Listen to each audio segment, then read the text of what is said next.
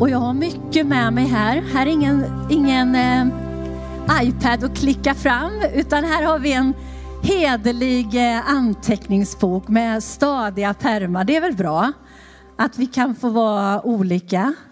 Eh, så. Så nu bläddrar jag fram här till eh, underlaget för dagens predikan. Och så har jag Bibeln, Guds ord som är så underbart att få utgå ifrån. Och sen har jag boken som vi har talat om. Nycklar till frihet. Så här ser den ut. Ehm, och den är väl använd nu. Och jag ska läsa några eh, frågeställningar ur den sen, bara så att ni ska få en inblick i lite grann hur den fungerar. Och när det, när det står att, att predikan ska handla om omsorg, då tror jag att det, det, det finns många förväntningar i rummet på vad det faktiskt ska innehålla för någonting. Och det är lätt att vi ganska snabbt när vi pratar omsorg eh, börjar eh, titta på yttringar av den eh, och beteenden som vi önskar, förhållningssätt som vi vill se i församlingen och olika uttryck för omsorg helt enkelt. Och det är helt rätt Eh, att vi kan ha sådana förväntningar. Eh, men idag eh, ska vi börja någon helt annanstans. Och jag tror att ordet så tydligt leder oss dit, även när vi talar omsorg. Och jag tycker om att börja i fundamentet, i kärnan, i det som är omsorgsbegynnelse och källa. För börjar vi inte där, då är jag rädd för att vi bygger en organisation och vi bygger strukturer eh, och vi har önskemål på många områden.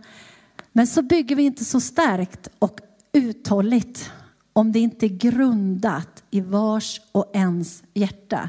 Så om vi ska fortsätta vara en församling som signalerar omsorg, som kännetecknas av omsorg, som när man talar om oss, Betel Skövde, där finns en god omsorg. Jag blev så väl bemött. Men om vi ska bli uthålliga i det, då är det så viktigt att källan är klar och att ordningen i det hela är klart. Så därför ska vi ägna oss åt källan till all omsorg idag.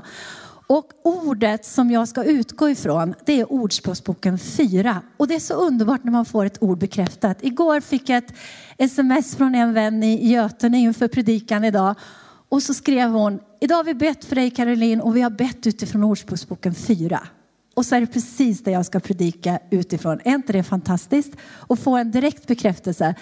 I Ordspråksboken 4 och 23 står det, framför allt som ska bevaras. Alltså före allting annat. Först, framför allt som ska bevaras må du bevara ditt hjärta. Ty därifrån utgår livet. Det är ett fantastiskt bibelord. Tänk att om vi bevarar våra hjärtan, då utgår det liv därifrån. Och vem vill inte ge ut liv? Vilket löfte! Bevara ditt hjärta så ska livet utgå därifrån. Och i Johannes 14 och 6 så står det, Jesus sa, jag är vägen, sanningen och livet. Ingen kommer till Fader utom genom mig. Alltså Jesus säger att han är livet. Alltså om vi bevarar våra hjärtan, då utgår det liv därifrån. Alltså utgår Jesus därifrån. Jag tycker det är så fascinerande att tänka så. Liv utgår, vem är livet? Jo, det är Jesus. Alltså utgår Jesus ifrån våra hjärtan. Och om det är någon som är omsorg personifierad så är det Jesus. Det betyder att om vi bevarar våra hjärtan då pulserar det liv ut därifrån. Livet är Jesus och Jesus är omsorg. Är ni med på kopplingen? Är ni med på varför det är så viktigt att bevara sitt hjärta? Och vi kan föra över det på omsorg där hela församlingen är involverad och med. Vi tänker inte bara nu ett omsorgsteam, ett samtalsteam. Vi tänker alla, för ni förstår, när överlåtna hjärtan, bevarade hjärtan kommer samman, tänk hur det blir. Vilken puls av liv, av Jesus, av omsorg. Så därför måste vi börja, Bibeln är tydlig, framför allt annat. Först, bevara ditt hjärta. Och idag ska vi titta på vad det enskilt kan betyda för oss. Vi kan bevara vårt hjärta genom självklart att vara en del av en församling, av en grupp, av en mängd människor. Det gör också att vårt hjärta håller fokus och att vi hjälper varandra på vägen framåt. Jag måste bara ta det när vi förra lördagen var på pingstledare i Jönköping. Och jag tror vi var dryga tusen ledare samlade i pingstkyrkan där. Och när lovsången drog igång, det var så starkt. Så att jag sa till mina vänner när vi minglade runt vid kaffet, hur ska det bli i himlen? När lovsången var så stark. Och då kände jag när jag stod där mitt i det här folkhavet, att tänk vad viktigt att vi har varandra. Och det kändes i hela kyrkan. Det är vi tillsammans som har ett så viktigt uppdrag. Det var ledare som var samlade. Det, det, blir per automatik så. Det finns en sån förväntan i rummet. Från ord, från lovsång. Nummer ett så var alla på och med och visa med sina liv. Vi vill det här. Då kände jag det var viktigt att vi inte driftar iväg och tappar gemenskapen och församlingen. Eh, vi har ett viktigt uppdrag och tillsammans. Men idag ska vi inte titta på tillsammansperspektivet så mycket, utan enskilt. Bevara ditt hjärta. Hur kan jag göra för att bevara mitt hjärta? Och vi ska börja med, eh, vi ska gå igenom fyra punkter. Känner jag mig rätt så får jag spida på lite. Eh, sist hann jag inte med sista punkten. Men fyra punkter som handlar om våga leva annorlunda. Bevara ditt hjärta genom det. Våga göra frågorna till en naturlig del av ditt liv. Bevara ditt hjärta genom det. Och var uppmärksam på din inre dialog. Bevara ditt hjärta genom det. Och tro på att Gud ersätter där du har förlorat. Bevara ditt hjärta genom det. De fyra delarna ska vi kort titta på idag. Eh, det finns mycket, mycket mer. Men jag upplever att det är de här som Gud har satt fokus på inför den här söndagen. Och det är förmodligen av en anledning. Du finns säkert här som behöver höra eh, de här orden idag. Så jag hoppas att du sitter med ett öppet hjärta och vill ta emot det som Gud har att säga. Punkt nummer ett, våga leva annorlunda genom att kliva av eh, tempot ibland. Genom att kliva ur bruset som vi ständigt lever i. Välj att leva ensam och söka ensamheten tillsammans med Jesus. Jag ögnade igenom de fyra evangelierna inför den här predikan för att se, återigen, Jesus vår största förebild på det här området, hur aktiv han var bland människor, han gjorde under, han uppmuntrade människor, han samtalade med människor och så vidare. Och så kommer det med jämna mellanrum. Och så drog sig Jesus undan. Och så tog Jesus båten över till andra sidan. Och så sökte sig Jesus ut i öknen och så sökte sig Jesus upp bland bergen för att vara ensam. Och om Jesus behövde göra det så är det väl ännu viktigare att vi gör detta. Kliv undan, kliv av och sök ensamheten tillsammans med Jesus. Och i Matteus eh, Matteus 14, 22 23 så uppmärksammade Gud mig på den versen på ett nytt sätt.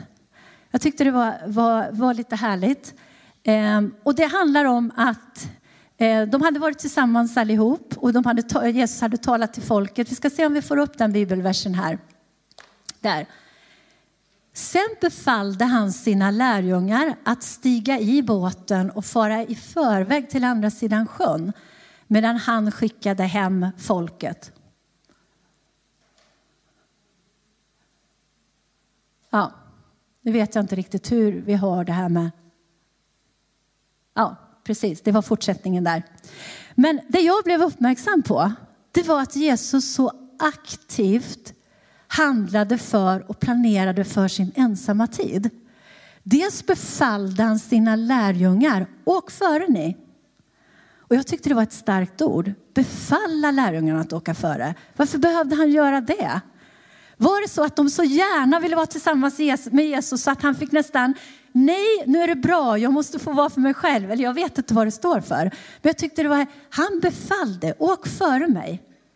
Du kanske har stunder i ditt liv när du faktiskt får tala till saker i ditt liv och säga, nej, jag, jag, ska inte ha det här i mitt liv. Jag befaller det här att ge vika för att jag ska prioritera annat som är viktigt i mitt liv. Eller Jesus sände iväg folket. Han uppmanar dem, jag måste få vara ensam. Han sände iväg dem. Du kanske behöver göra aktiva handlingar för att frigöra mer tid tillsammans med Jesus. Jesus gjorde det. Han planerade för det. Han såg till att det blev så. Han befallde och han sände iväg.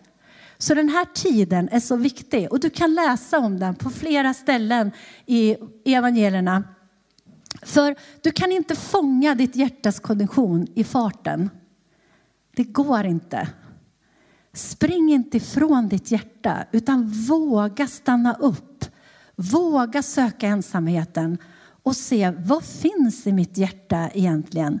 Eh, Jesus var noga med det, då behöver vi också vara det. Och om vi tänker på att omsorg genom det ska nå ut sen, hur blir det då i det yttre? Jo, du märker när en människa umgås med Jesus i ensamhet. Du känner när en människa umgås med Jesus i ensamhet. Ni vet hur det var när Mose hade varit på berget och umgåtts med Gud. Det lyste omkring honom. Det känns när en människa umgås med Jesus i ensamhet. På det sättet kommer du kunna vara med och förmedla omsorg genom att du själv prioriterar de här stunderna varje dag. För det händer saker i de här stunderna. Ja, det kanske inte känns så gång nummer ett, inte nummer två, inte tre heller. Men så småningom så kommer detta bli ett behov i ditt liv. Och det är en viktig del av omsorgen. Hur ska vi annars kunna bygga en omsorg som är djupt rotad, som är sann, som är uthållig över inte bara en säsong utan flera säsonger och flera generationer. Och jag vill säga till dig som har kommit längre i livet, och jag räknar mig själv dit. Var en god förebild för de som är yngre. Som mm, Matilda var inne på med mentorskapet. Visa dem, den yngre generationen, hur mycket det här har betytt för dig. Det finns inget viktigare att visa egentligen än det. Och att luta sig in med detta i sin församling. Så det var punkt nummer ett. Hur ska jag bevara mitt hjärta? Våga stanna upp, våga leva annorlunda genom att söka ensamheten. Det ger resultat, ett fantastiskt resultat som sedan eh, förmedlar omsorg. Utifrån det hjärta som har sökt Jesus i ensamheten så utgår omsorg. Nummer två, det var frågorna. För att bevara ditt hjärta, gör frågorna till en naturlig del av ditt liv. I skolan är det så. Eh, de skarpaste pedagogerna vi har, det är de som använder frågorna på rätt sätt i klassrummet eller bland förskolebarnen eller som jag jobbar med gymnasieeleverna. Om man hittar frågor som får eleverna att vidga sina världar, fördjupa sin förståelse, eh, börja tänka i nya banor. Det är den främsta pedagogiska metoden kan man säga. Och Jesus använder han också. Återigen Jesus, vår förebild. Han ställde frågor till människor där han drog fram. Eh, Jesus visste ju, han hade inte behövt fråga, men han valde att fråga. För att han ville att människan själv skulle få syn på saker. Skulle förstå saker djupare, få vidgade perspektiv. Eh, och när du har vågat kliva av och faktiskt sätta fokus på ditt hjärta, så ställ ärliga frågor. Börja så själv. Hur mår jag egentligen? Hur lever jag mitt liv? Stämmer det här livet överens med Guds ord? Har jag fortfarande ett glapp där mellan Guds ord och det som finns i mitt liv? Guds ord är väldigt tydligt. Det som är sant och värdigt, det som är rätt och rent, det som är värt att älska, det som kallas dygd och förtjänar beröm. Hur ser det ut i ditt liv? Finns det fortfarande glapp? Ställ de där ärliga frågorna till dig själv och ta dem inför Gud. För han svarar alltid i barmhärtighet. Han fokuserar inte på våra tillkortakommanden, det vi misslyckas med, utan han talar alltid hopp som svaret på de frågorna. Han talar, så där har det sett ut Caroline, men så här kommer det se ut framåt. Ja, det har varit mörkt och du har gått miste om, men jag kommer ersätta. Så det är ingen fara för oss som vet en högre väg att ställa de här ärliga frågorna kring, kring livet. Det är ett sätt att bevara sitt hjärta. Eh, det skärper vårt fokus, det vidgar våra världar. Vi kan hjälpa varandra också, att ställa frågor till varandra. I Connect-grupperna är det väl en jättebra gemenskap att träna på det här och i ärliga samtal eh, verkligen träna på rätt frågor. Och är det någonting som Nycklar till frihet har lärt oss så är det just frågorna. Och jag tror aldrig jag har mött sån barmhärtighet och kärlek i frågor som jag har mött i det här materialet. Så det är därför, precis som Ulla berättade alltså, och sa, att vi vill varmt rekommendera det här. För det är svåra saker vi jobbar med, det är djupa saker, men det finns en genomgående barmhärtighet och kärlek i varje frågeställning från Gud. Och tanken är ju i det här materialet, det är ju att du ska lära känna den helige andes röst så tydlig och klar i ditt liv. Så att du och den helige ande för det här samtalet i den här ensamheten när vi har valt den. Eh, att du lär dig ut med vägen att höra den här rösten så tydligt så att du inte alltid behöver någon människas stöd. En själavårdares samtal, det är viktigt och vi har säsonger och perioder. Men vi tror, och det här materialet är byggt för, att vi ska förbli fria. Vi ska tillsammans med den helige Ande tala, fråga, jobba oss igenom processer. Eh, lite grann mer på egen hand. Och det är det jag är så fascinerad av.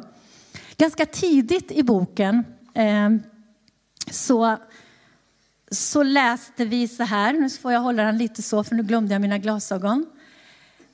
Eh, tanken att kunna känna igen Guds röst är du kanske helt förtrogen med eller också är det en helt ny insikt för dig. Vi skulle vilja uppmuntra dig efter dagens studium att avsätta en stund till att låta Herren tala till dig eller visa sig själv för dig. Och så kommer en fråga så här. När du gör det, prova att ställa honom frågan. Herre, vad är det som du älskar särskilt mycket hos mig? Och jag har varit alldeles tagen när jag läste den här frågan. Och jag har varit lite generad och jag tyckte den var, oh. Så jag fick sitta en stund med den här frågan. Herre, vad är det du älskar särskilt mycket med mig?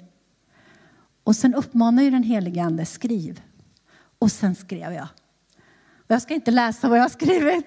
Det är högst personligt, men jag blev så glad över att den helige Ande svarade och lyfte fram saker där Gud fick svara på frågan. Det här älskar jag särskilt mycket hos dig Caroline.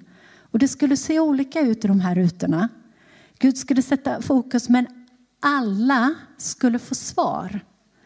För Gud är god och han älskar dig så högt och han vill visa och tala de orden till dig. Och så står det vidare. Känn dig fri att fråga honom varför han älskar just detta hos dig. Jag tycker det är så bra. Det är inga frågor som man bara rusar förbi. Det är inga frågor, utan det kräver lite jobb. Det kräver tystnad, det kräver meditation över ordet. Men det får mig att fördjupa min relation. Det får mig att vidga perspektiven på Guds kärlek och hur oerhört barmhärtig han är. Och så fortsätter det. Du kanske upplevde det här svårt. Du hör inget. Du känner att det finns ett motstånd att formulera svar på den här frågan och så vidare. Även det tar de hand om. Och så säger de, Herre, jag vill ta emot från dig. Kan du hjälpa mig att identifiera vad det är som gör att jag inte kan? Vad, är den här, vad står den här muren för? Och så får man lyssna. Kan det vara här? Kan det vara detta? Och så får man ta det inför Gud. Ta hand om det här. Eh, för jag vill höra från dig. Och så här är den här boken rakt igenom. Frågor som på ett helt nytt sätt eh, speglar mitt inre och min relation tillsammans med Gud. Men framför allt barmhärtigheten, kärleken, ingen fördömelse. Eh, inget eh, ta itu med, inga pekpinnar utan bara hopp, bara kärlek. Det finns mera hos mig Caroline. Och hela materialet går ut på det. Att få uppleva en större frihet, bli löst från saker för att ännu mer komma ut i full funktion för det som Gud har tänkt för oss. Fullt ut. Så bevara ditt hjärta genom att låta frågorna vara en naturlig del eh, av ditt liv. Prata med den helige Ande. Fråga den helige Ande. När du hamnar inför saker, fråga så ska du se att så småningom så kommer svaren tydligare och tydligare, enklare och enklare. Och då går vi över i den tredje saken som jag vill lyfta fram och det handlar om den inre dialogen. Och det är kanske är ett nytt begrepp för dig, men det är också ett begrepp som har vuxit fram ur nycklar till frihet. Och det handlar egentligen om att ge akt på vad är det du hör inom dig? Vilka ord kommer när du lyssnar ordentligt? Är det kritik? Är det fördömelse? Slår du ner på dig själv? Eller är, har du faktiskt lätt att höra de här orden från Gud? Att du är högt älskad. Han fröjdar sig över mig. Han tigger stilla i sin kärlek men han fröjdar sig också med jubel över mig. Eller vad säger din inre dialog om dig själv? Och när vi möter olika saker ut med dagen så är det väldigt viktigt att lägga, ge akt på vad säger mitt inre till mig nu? Och är det sant det som kommer nu? Stämmer det i enlighet med Guds ord? Och ni vet vad, vad Bibeln är viktig med sanningen. Jag vet inte hur många gånger just ordet sanning används. Och ni vet med vapenrustningen, det är det första det står om. Spänn sanningens bälte om midjan. Sanningens bälte höll ihop övriga utrustningen. Och om jag förstår det rätt så var det också i bältet som man satte svärdet, alltså Guds ord. Så vi förstår hur viktig sanningen är. Och lyssna i ditt inre. Stämmer det du hör överens med Guds ord, alltså sanningen? Annars uppmanar Guds ord oss att byta ut det som inte stämmer överens med sanningen, med Guds ord. Eh, för att den inre dialogen ska bli helare och helare och mer och mer fridfull. Så ge akt på redan i eftermiddag när du hamnar i olika situationer. Vad händer i mitt inre? Vad säger mitt inre i den här situationen? Och då är det så viktigt att det finns något för den inre dialogen att jobba utifrån. Och vad är det då som måste finnas? Det är Guds ord. Så därför är det så viktigt att vi ständigt fyller oss med Guds ord. För om den inre dialogen ska utgå från Guds ord, då måste den helige Ande ha ordet i oss att jobba med. Det är då det kan fungera i vår vardag. Och det skulle jag önska att vi hjälper oss mycket mer, hjälper varandra mycket mer med. I våra connect-grupper, i församlingen när vi möts och så. Hur vi berättar hur Guds ord lever, inte bara här på söndagen, utan också eh, i vårt vardagsliv. Hur konkret använder du Guds ord varje dag? Jag kan ge ett personligt, inte något speciellt, men jag tänker ändå att det är ett, ett, ett, en härlig stund som jag hade i, i onsdags morse. Då hade jag varit på utbildning i två dagar och jag kände mig jättetrött på morgonen. Och ni vet, lite sådär, lite tom, lite trött och sliten. Och så såg jag bara min agenda för dagen hur många möten det var och hur tätt de låg och hjälp, kommer jag in ens hinna äta lunch och så vidare. Och då, då börjar ju den inre dialogen. Det är det här jag menar. Undrar om du kommer orka det här egentligen. Oh, det kommer bli en jättetuff dag framför dig Caroline. Så här, ja, kanske skulle du vara hemma och vila istället. Och, oh, vilka tuffare dagar de var, de här utbildningsdagarna och så vidare. Och så vidare. Och sen bara, nej, stopp, delete. Vad säger Guds ord nu? Heligande, tala till mig nu. Du vet precis vad jag behöver. Och så lugnade jag ner mig och så satt jag i min säng med Bibeln och så, så började orden komma. När du är som svagast, då är min kraft som störst. Allt förmår jag genom honom som ger mig kraft. Och så vidare. Orden bara kom. Och så fick jag läsa dem och tala dem högt. För då skapas liv. Och det första jag fick var, eh, jag sätter liv och död, välsignelse och förbannelse framför dig. Välj då livet. Jag väljer ditt ord. Gud, jag väljer ditt ord nu.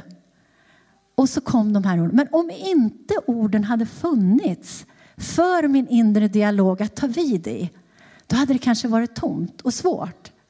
Så oavsett, så fyll dig med ordet, fyll dig med bibelordet varje dag, hur du än gör det. Och ta hjälp av den heliga ande om du tycker det är trögt. Ta en vers åtminstone, så det finns någonting för den heliga ande att jobba med. Så bevara ditt hjärta genom att ge akt på den inre dialogen. Och är den inte i överensstämmelse med Guds ord, stopp bytt ut så ska du se hur den inre dialogen undan för undan helas. Och när det tar, om vi då talar om omsorg utåt, förstår ni hur det är att möta en människa med en fridfull inre dialog? Det kan väl inte bli annat än ett fridfullt möte de människorna emellan. Så tänk om vi fick vår inre dialog förvandlad Tänk vad det skulle betyda för omsorgen i den här församlingen. Och det finns en sund och fridfull dialog, inre dialog för oss alla utifrån Guds ord. Och så kommer vi till det sista.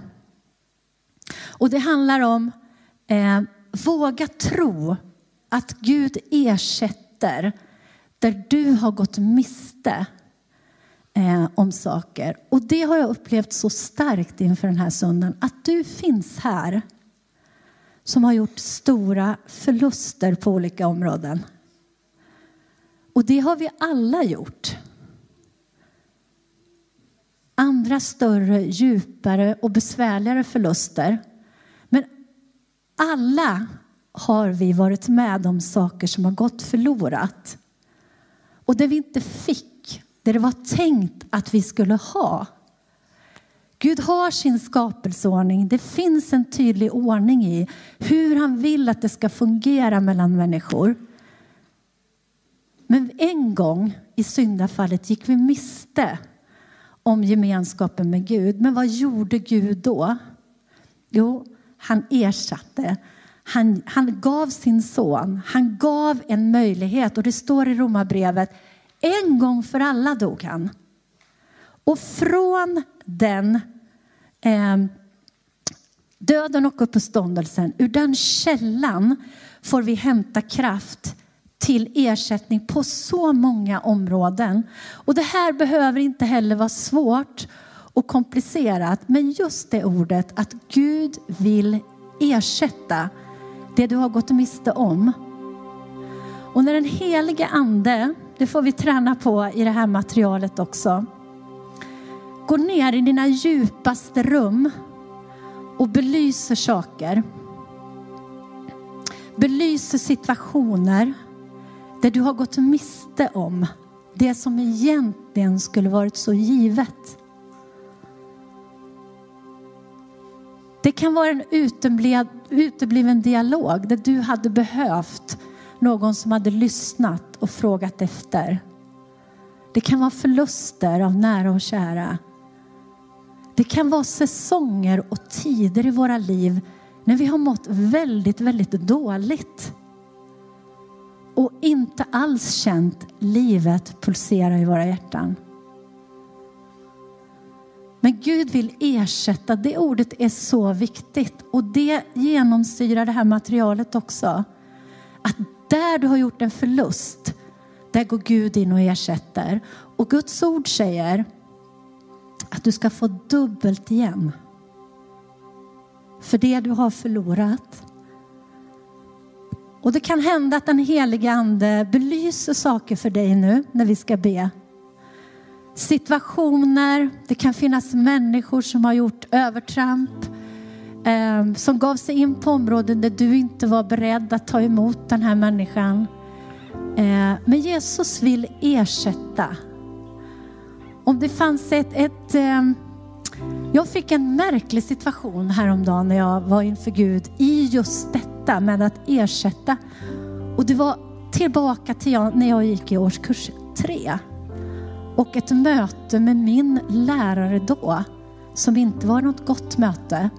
Men som jag förstod, eftersom den kom upp, så har den betytt någonting. Och så fick jag se mig själv där i trean, eh, i den här situationen och i det här mötet. Och så fick jag höra hur Jesus sa, jag ersätter. Jag ersätter dig för det som du inte fick i just den situationen. Vi suddar ut de där orden som uttalades över ditt liv då och som har suttit kvar och påverkat. Vi ersätter dem, Caroline, med mina ord om dig. Det spelar ingen roll vilken åsikt hon hade. Du vet vilken åsikt jag har om dig och det är det viktiga. Nu ersätter vi den dialog ni hade med den dialog som du och jag får ha. Och jag var jättetacksam och också lite förvånad för den här situationen och den här händelsen hade jag inte alls koll på att den fanns där. Och så här vill den helige Ande göra med situation efter situation för att du ska bli hel i dina djupaste rum och för att du ska bli fri att leva det liv som Jesus har för dig och som han dog för att du skulle få. Han vill inte att något ska hålla dig tillbaka. Och om det är smärtor, om det är sår, om det är bitterhet, om det är andra, annat, så vill Gud besöka dig just i de situationerna, just i de händelserna och ersätta det som togs ifrån dig med sin kärlek, med sin barmhärtighet, med sitt helande. Med sina tårar vill han gråta tillsammans med dig. Och han talar hopp in i varje situation.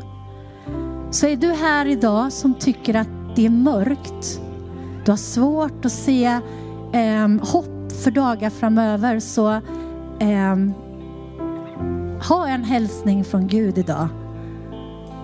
Att det är inte hopplöst och att Gud vill komma med hopp tillbaka till dig. Han vill byta ut det där som är orsaken till hopplösheten. Han vill hela och han vill ersätta.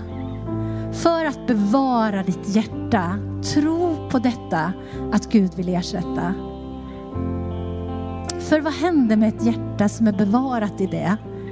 Jo, det kommer inte kunna låta bli utan att sprida omsorg, vittnesbördet om hur stor Gud är och att ingenting är omöjligt för honom. Och jag är ett levande exempel på det. Verkligen. Det är därför jag med frimodighet står här idag. För Gud har varit så god och så nådig och gör fortfarande djupa under i min själ och i mitt hjärta för att jag ska få nå vidare ut. Så jag vill tala hopp och tro idag in i varje människa som är samlad här idag. Vad du än bär på, hur du än har haft det. Det finns någonting annat framåt. Det finns något starkt framåt. Det finns något ljust framåt. Och nu ska vi be. Och eh, om det känns okej okay för dig så ta den som sitter bredvid dig i handen eller lägg din hand på axeln på något sätt att vi får känna att vi hör ihop i det här och vi har alla behov. Ingen kan sitta här tror jag och känna att Nej, nej, det är helt. Allt är upprättat, allt är klart. Nej, vi har alla behov. Och när vi är ihopkopplade nu så vill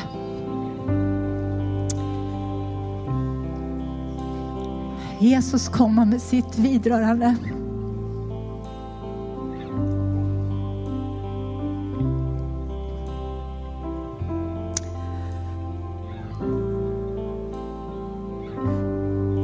Jesus, tack för att du är omsorg. Tack för att du är tydlig i ditt ord att framför allt som ska bevaras så är det våra hjärtan. Jesus, tack att du ser det här kopplet av händer. Och tack att du går runt här i bänkraderna just nu. Heligande, tack att du vill tala tydligt.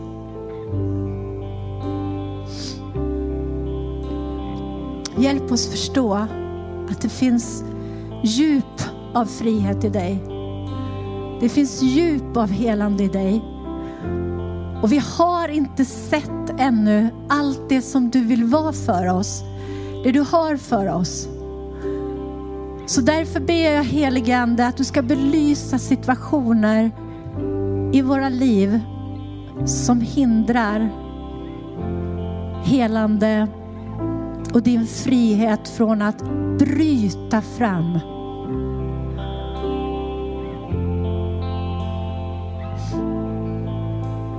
Som ett dån av vatten vill du bryta fram med ditt helande och din frihet till var och en som är här idag.